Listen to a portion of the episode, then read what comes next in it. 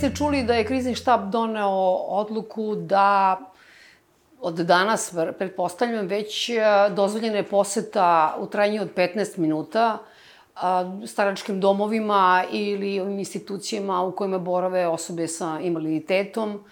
15 minuta zvuči nekako dosta absurdno, Pogotovo što znamo da mnogi od tih centara su smešteni stotinama kilometara van gradova, a, tako da nije mi jasno kako to može da funkcioniše, a možda imate vi iskustva već sa, sa takvom merom. Tokom juna, nekih dvadesetak dana, je ta mera ponovo bila ukinuta, odnosno bile su dozvoljene posete uh, korisnicima u domovima u trajanju od 15 minuta. To je tako kratko vreme i te mere uh, zaštite tokom same posete su toliko stroge nekako tih 15 minuta proleti. A uh, ono što je uh, veoma značajno, uglavnom se ustanove nalaze izvan naseljenih mesta i vrlo često su i korisnici uh, smešteni u domove uh, potpuno na suprotnom kraju od mesta gde, gde inače živi, gde živi porodica, tako da su to sve otežavajuće okolnosti, tako da tih 15 minuta zapravo uh, ne znači puno, ali je važno napomenuti da su uh, ljudi šest meseci u potpunoj izolaciji. Kontakt im je potpuno uskraćen i sa članovima porodice sa bliskim prijateljima i to jeste zabrinjavajuće za sve nas iz prostog razloga što uh, je to polje za moguće nasilje u instituciji, ali takođe i zanemarivanje koje e, je moguće desiti se, kada oni nemaju kontakt sa dragim ljudima ili članovima porodice, kako ćemo znati šta se sa njima zapravo dešava. Mislim, prava osoba koja žive u institucijama su inače veoma ugrožena i u, redovni, u redovnom stanju, da tako kažem. A, tokom pandemije možete zamisliti ko, do, u kom stepenu su ugrožena njihova prava. Naše iskustvo od ljudi sa kojima smo neposredno u kontaktu, koji žive u institucijama, da su pojedine ustanove vraćale svoje korisnike iz stanovanju uz podršku koje imaju nazad u instituciju, što je u potpunoj suprotnosti sa svim, zato što se vraćanjem u veliku ustanovu sa velikim brojem ljudi sa kojim će oni biti u kontaktu zapravo ne prevenira zaraza, već se, kako da kažem, omogućava u stvari širenje. Mnogo bi bilo bolje da su oni ostali u tim svojim stanovima u sve mere zaštite, samim tim bi bili i u manjem kont u kontaktu sa, sa manjim brojem ljudi. E, takođe, pojedine ustanove su tokom vanrednog stanja, koje je bilo u Republici Srbiji, zabranjivale izlazak u dvorište doma svojim korisnicima. Bilo je trenutaka kada su oni potpuno bili zatvoreni u svojim paviljonima uz izgovor da e, je to iz bezbednostnih razloga, ši, da se ne, ne širi zaraza i tako dalje. E, sve to govori da je e, vrlo, vrlo potresna i teška situacija i da je stvarno krajnji trenutak za, za reakciju Mi smo podnosili mnoge inicijative, e, što samostalno, što u partnerstvu sa drugim organizacijama, želeći zapravo da na taj način ukažemo na veoma uh, loš i zabrinjavajuć položaj osoba s invaliditetom. Uh, obraćali smo se Ministarstvu za rad, zapošljavanje, boračka i socijalna pitanja. Pisali smo premijerki Ani Brnabić. Sve u težnji da izađu sa jasnim i konkretnim podacima o broju umrlih uh, o posledica pandemije COVID-19 u ustanovama, jer bi na taj način nekako i šira javnost bila upoznata sa svim posledicama sa kojima se uh, ljudi koji žive u ustanovama suočavaju. A nekako je naše, da kažem, predviđanje da će svakako stopa smrtnosti biti veća uh, u svim domovima u odnosu na širu populaciju, pre svega zbog uh, propratnih bolesti, ali takođe i zbog uh, oslabljenog imunog sistema, zbog tolike izolovanosti i zatvorenosti, mislim, zbog života u zatvorenoj ustanovi. Kada govorimo o ustanovama, ja vas molim da preciziramo. Mm -hmm. Znači, tu mislimo i na ono što zovemo staračkim domovima, ali i na ustanove u kojima borave osobe sa invaliditetom. Tako je, tako. ustanove socijalne zaštite, tako je, tako je. Tu je negde oko 23.000 ljudi koji Da, to su će... hiljade dece, muškaraca i žena koji su izolovani, koji ima su uskraćena prava, pravo na slobodu kretanja pre svega, na privatnost, a na kraju pravo na život u zajednici, jer stvarno Ove, mislim da svi nekako imamo pravo na kvalitetan život zato što smo ljudi, a to je život u zajednici. Krajem aprila, zaključno sa aprilom, bila je ta brojka jedna od 574, mislim, korisnika koji su bili zaraženi COVID-19 i bilo je nekoliko, više od 100 zapravo ljudi koji su zaposleni u tim.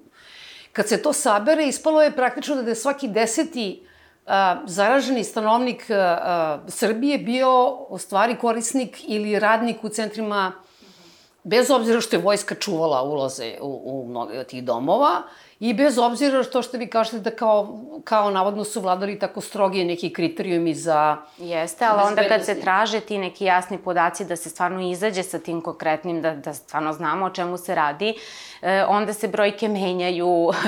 tako da ni kako, mi... Kako, Menjaju u zavisnosti A? od... Mi imamo informacije da u jednoj ustanovi ima recimo, ne znam, 100 zaraženih, onda sutradan bude nije, nego je 50. Vraćamo se ponovo na to to je ogroman broj, recimo 574, ajde da govorimo o toj cifri, zapravo stalno govorimo o tome da mi ne znamo koliko ljudi umrlo od, od, od tako. Ovaj, bilo je onaj, bilo je onaj šok koji je trajao relativno kratko u onom Niškom gerontološkom centru, kada je praktično svaki sedmi korisnik umro. Tako je. Jeli? Ovaj, I onda, posle toga, zapravo mi ne znamo koliko je ljudi uh, umrlo a da, od, od tih zaraženih, jeli? Tako je, upravo to.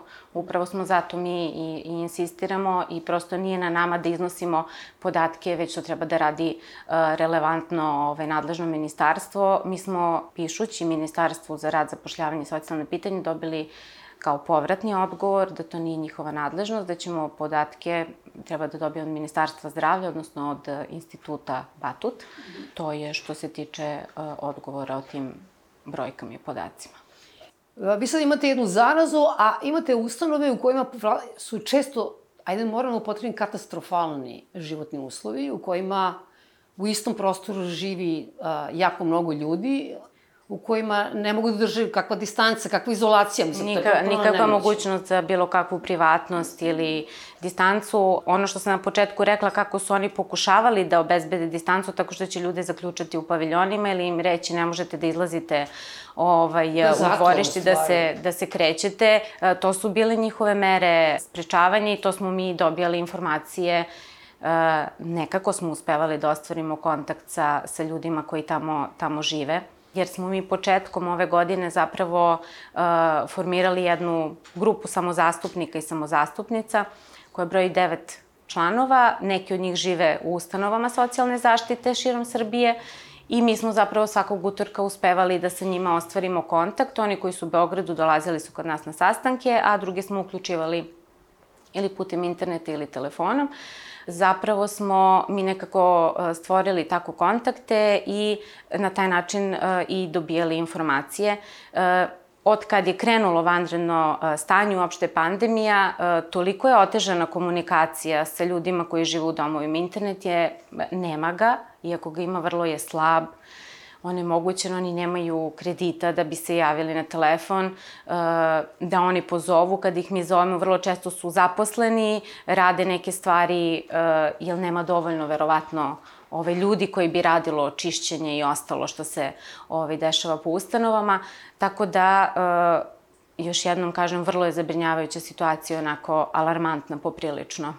To zaista sve više liči na zatvor zapravo. Mislim, da oni kažu nemamo dovoljno radnika, a onda korisnici zapravo rade Jeste. Da, sve poslove, jeli? I mi smo na samom početku, kada se desila pandemija, stvarno upućivali različite inicijative, insistirajući da gde god je moguće se korisnici izmeštaju u privatan smeštaj ili kod svoje porodice, prijatelja, drugara, hraniteljske porodice, jer na taj način bi stvarno nekako se radilo na, na ovaj, deinstitucionalizaciji, gde nam je ova situacija zapravo pokazala koliko je neophodna Znači, deinstitucionalizacija jer širenje zaraze jeste u velikim ustanovama sa velikim brojem ljudi. Znamo da nadzor nije dobar i tako. Međutim, ipak je frapantna činjenica ili podatak ako je tačan da ima nekoliko, praktično stotina ustanova tog različitog, što privatnih, što državnih, a da ima samo šest inspektora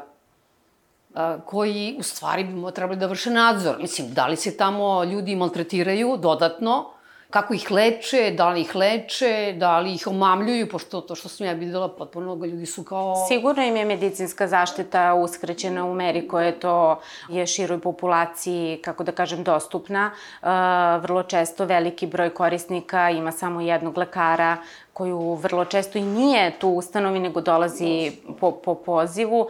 Tako da su oni, e, ovaj, što se tiče medicinske zaštite, takođe vrlo, vrlo ugroženi. Mi smo sad imali slučaj gde nam jedna samo zastupnica imala poteškoće i ginekološke probleme i toliko dugo je bila u bolovima.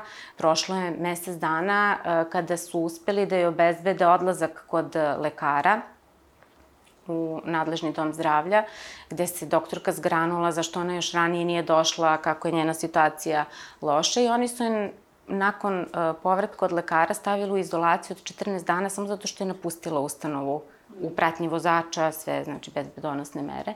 Eto, tako izgleda odlazak od lekara nekoga ko živi u ustanovi. To je samo jedan primer. Marija, vas da pitam, koliko ste dugo bili u instituciji? Jeste bili, u kojoj instituciji ste bili i gde ste sada? Pa ja sam bila u instituciji jednoj na Karaburmi, isto sa mojom posestrimom, drugaricom, sa Zokom. Međutim, ja sam morala samo voljno da napustim dom. A koliko ste dugo bili tamo? Dve godine. Ja sam morala samo voljno da napustim taj dom zbog zaposlenja. Ja sam zaposlena i ne želim zbog toga da izgubim svoj posao. Zato što idem na jedan cilj koji želim da mi se ostvari, da se osamostalim, da uzem sebi neki stan i da živim kod normalan čovek. A u susret mi je izašla moja mama Greta, koja drži jedno udruženje, Kec Menero. Ona mi je izašla u susret, znači ja sam je zahvalna do večnog groba. Ustupila mi mesto da živim neko vreme u moje druženje. Imamo svoju sobu, ima sve uslove samostalno živim, samostalno kuvam, perem sve. I, sam, i odlazim na posao. Održavam moje udruženje, higijenski čisto i tako. Šta vam je bilo najteže u Karaburmu dok ste bili smešteni? Šta vam je teško padalo tamo? Da sam odbačena. Jer moja mama Greta mi pomogla da nađem moju porodicu. Nekako sam odbačena. A koliko vas je bilo u tom domu u Karaburmi? Je to nešto veliko ili? Pa veliko je. -hmm. Veliko. Taj dom na Karaburmi je dom za, za stare, mm -hmm. ali uh, ima i dosta, da kažem, mlađih osoba uh, s invaliditetom, koji uh, su prešli, konkretno znam da je jedna druga, ove, naša samozastupnica iz doma Sremčica, prešla tu zato što je otvoreniji dom, odakle korisnici mogu da u toku dana izlaze, i da se tu vraćaju, ali opet to je jedan veliki dom sa velikim brojem ljudi Da, imate tu razni ljudi. Posebno što tu ima i dosta starijih i ovaj... Ne... Sve im život smeta. Starijima, je li? Da. Ali kako se sad, ja sam prošla u... Kako mi mama Greta dozvolila da tu živim neko vreme. Dok sa njom ne, dok sa njom ne podignem stambeni kredit i dok sa njom ne kupim stan, dozvolila mi da živim u to udruženje. Da se osjećate slobodno? Da, slobodno mnogo slobodnije, mirnije. Ali Marija svakodnevno gotovo odlazi do kapije Karaburme, ali tamo je ostala drugarica mm -hmm. sa kojim je jako vezana i ona je praktično sada dobavlja neke stvari koje ona ne može jer ne može da izađe kupi od hrane i tako, ali svakodnevno odlazi i u kontaktu je sa njom, tako da je Marija odlična podrška i toj Zorici koja se nalazi u domu i koja jednostavno su njih dve baš bliske, tako da eto, to je još jedan I mama Greta je zove telefonom, čuju se redovno. Da. A ako ste bili dve godine na Karaburmi, a pre toga gde ste bili? A, živela sam u stanovanju uz podršku zaklopača. To je pomoć u Zečarske 7 dve godine. Isto je dom. A potom sam živela pre dom Moše Pijade Pojosnička 19. A pre toga doma sam bila u nekim hraniteljskim porodicama. U hranskoj porodici gde ne bi trebala da budem. A Pre te porodice sam bila u domu kolega do srca. A pre tog doma sam bila u Zrčka 7. Još kad mi, mi trebalo im istekne to rok za stanovanje uz podršku, ja sam mislila da meni nema života. Kad ovo prođe dve godine, stanovanje uz podršku, meni više nema života. ali hvala Bogu kako sam mamu Gretu upoznala, mene se život iskoreni. Da li ste uh, i gde ste mogli da, da se obrazujete malo, da imate neki kurs ili da Ima, imam se školujete? Kurs. Imam kurs za, za, za, za računara, imam i taj sertifikat. Imam osnovnu školu završenu, Aleksa Šantić, Sombor. Uh, imam završenu školu na Karanovom brdu za cvećarstvo, koji baš taj zanat i ne volim, priznajem. Imam taj kurs za računarstvo i za, za kompjuter, to imam. Mene je mama Greta ovaj, pomogla sa zaposlim za stalno u Madarini Cake Shop i to radim kao higijeničarka. I tamo se lepo slažemo, lepa avantura, lepo su me pa, prihvatili onako kako jesam. Dan danas, evo, hvala Bogu, radim sad 12. oktobra punim dve godine.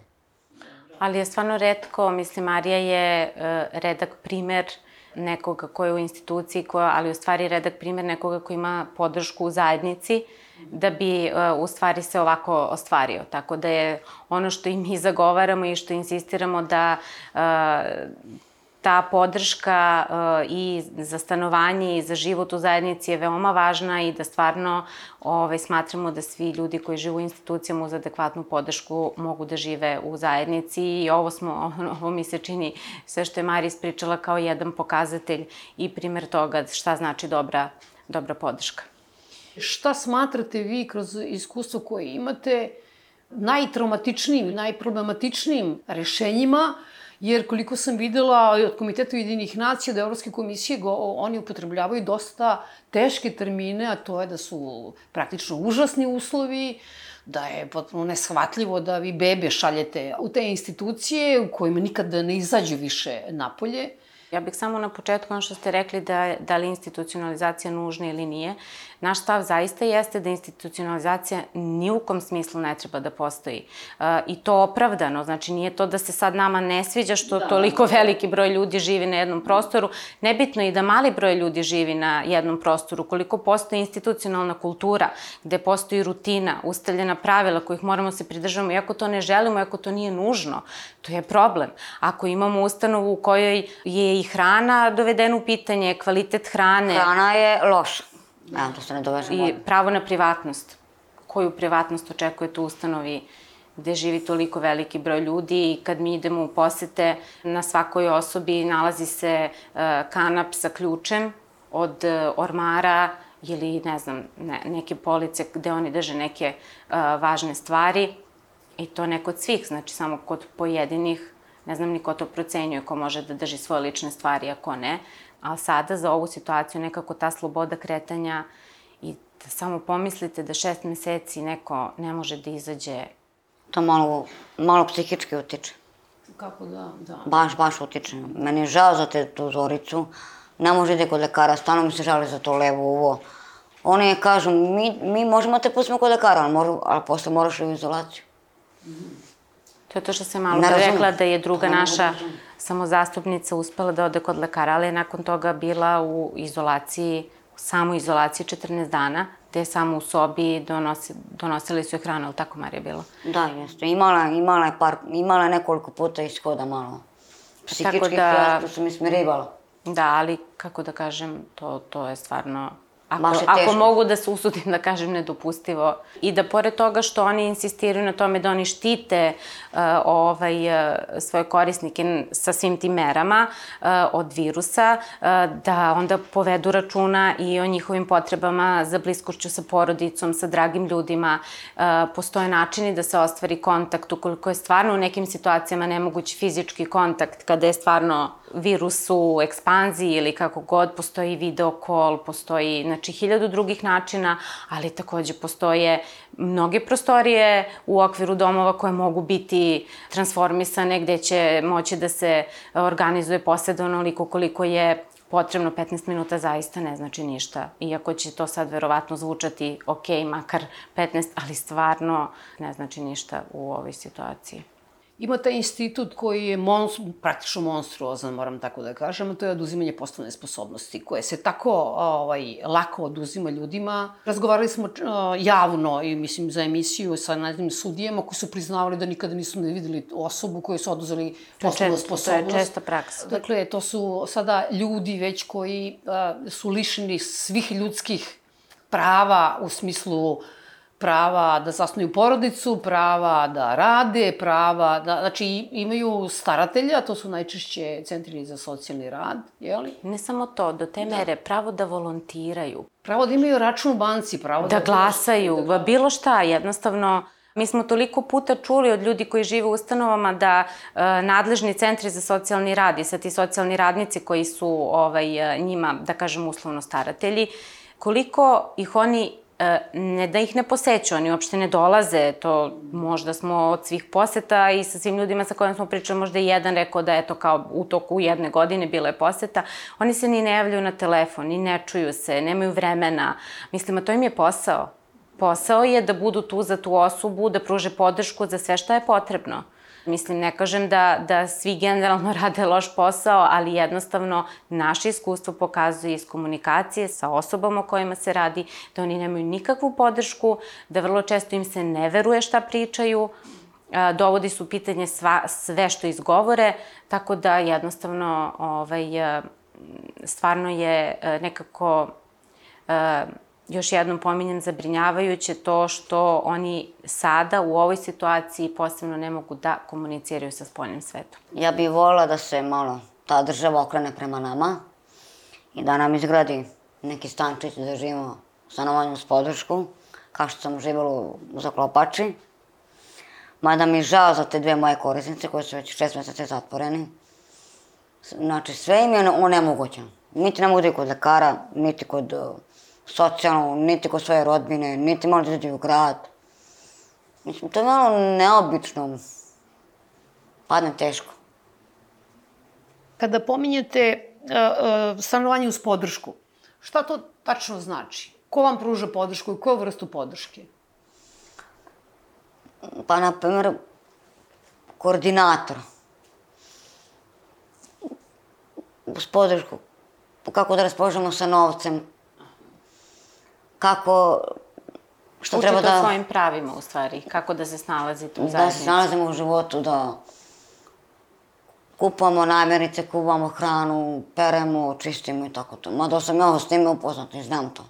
Obično je objašnjenje, da, mi znamo što treba da se radi, ali nema dovoljno novca u ovoj siromašnoj državi. Tako, kao da ne košta održavanje tih... Pa o, ovaj smeštaj prilično košta, ja bih rekla, a sam taj put kada je institucionalizacija i premeštanje neće biti ništa skuplje od onog što sada jeste, ali će rezultati biti mnogo, mnogo bolji, Biće, imaćemo više ljudi koji su, uh, kako da kažem, samostalni, žive u zajednici i dobijati podršku kakvu treba i nekako je to put kojim trebamo da idemo, bar nam i iskustva neka iz drugih zemalja to pokazuju, tako da poslednjih godina i u pitanju stagnacija, čak i nazadovanje na tom procesu. U jednom trenutku se nešto kao prethodnih godina kao malkice krenulo, ali nema naznak, sada nemamo nikakve naznake. Ovo je bio idealan, zato mi kažemo, idealan je trenutak bio da se nešto krene, da se uradi. E, šta će biti od jeseni, vidjet ćemo. A šta, kad ste rekli da se nazadovalo, u kom smislu?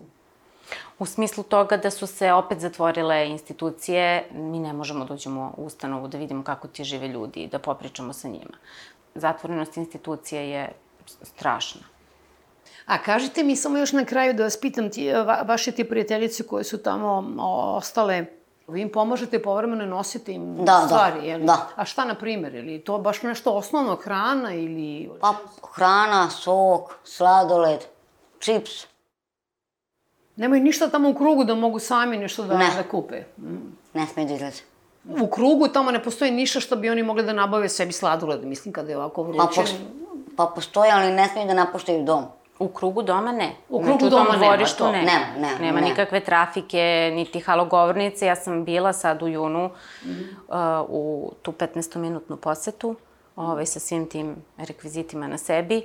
Ove, ništa tamo nisam videla. Da, ima u, u naselju, ali u samom domu nema. Ali vam se žele, šta kažu one, vaše prijateljice? Žao je što ne može da izađe počne malo da plače i tako to. Pa jako im je teško. Mislim, Jako mi je se, teško. Mi uspevamo sa njima sada ovaj, i dalje to svakog utorka komuniciramo, nekako se dovijamo preko Messengera, da eto, malo popričamo sa njima, prosto vidimo kako su, šta rade, ako imaju nekih problema, da probamo da, da nekako ih savetujemo, rešimo, da, da li su to uh, samo odlazak od lekara, onda one kažu jao pa kako, oni su svi nervozni, što, što je i normalno u ovoj situaciji, da i svi ljudi Zato koji se- tamo rade, Zoka se požali, boli me uvo, idi gore u sobu. A, mislim, to nije razumljivo, nije razumljiv odgovor, ali je očekivan a, u, u, u ovoj situaciji. E, I tako da mi, eto, pomognemo razgovorom do duše ili nešto iz, iz ličnih sredstava koliko može, ali jednostavno nije na nama da, da sistemski rešavamo i, i ne možemo neke stvari, a na šta se i naša Republika Srbija obavezala samim tim što je ratifikovala konvenciju obavezala će principe sve konvencije poštovati, a još jednom napominjem, e, sa, n- važno, važan princip, važan, va, a, važno pravo jeste pravo na život u zajednici za sve nas. Marina, vas na kraju da pitam, kako zamišljate kr- kratkoročno svoj život, jel? Šta očekujete da možete da postignete? Pa ja idem na cilj da podignem stambeni kredit uz pomoć mame Grete. Ona će mi pomoći kako mogu da ga dignem, kako mogu da kupim stan i da povučem Zoku da živi sa mnom. Ja se nigde ne žurim. Život je ispred mene.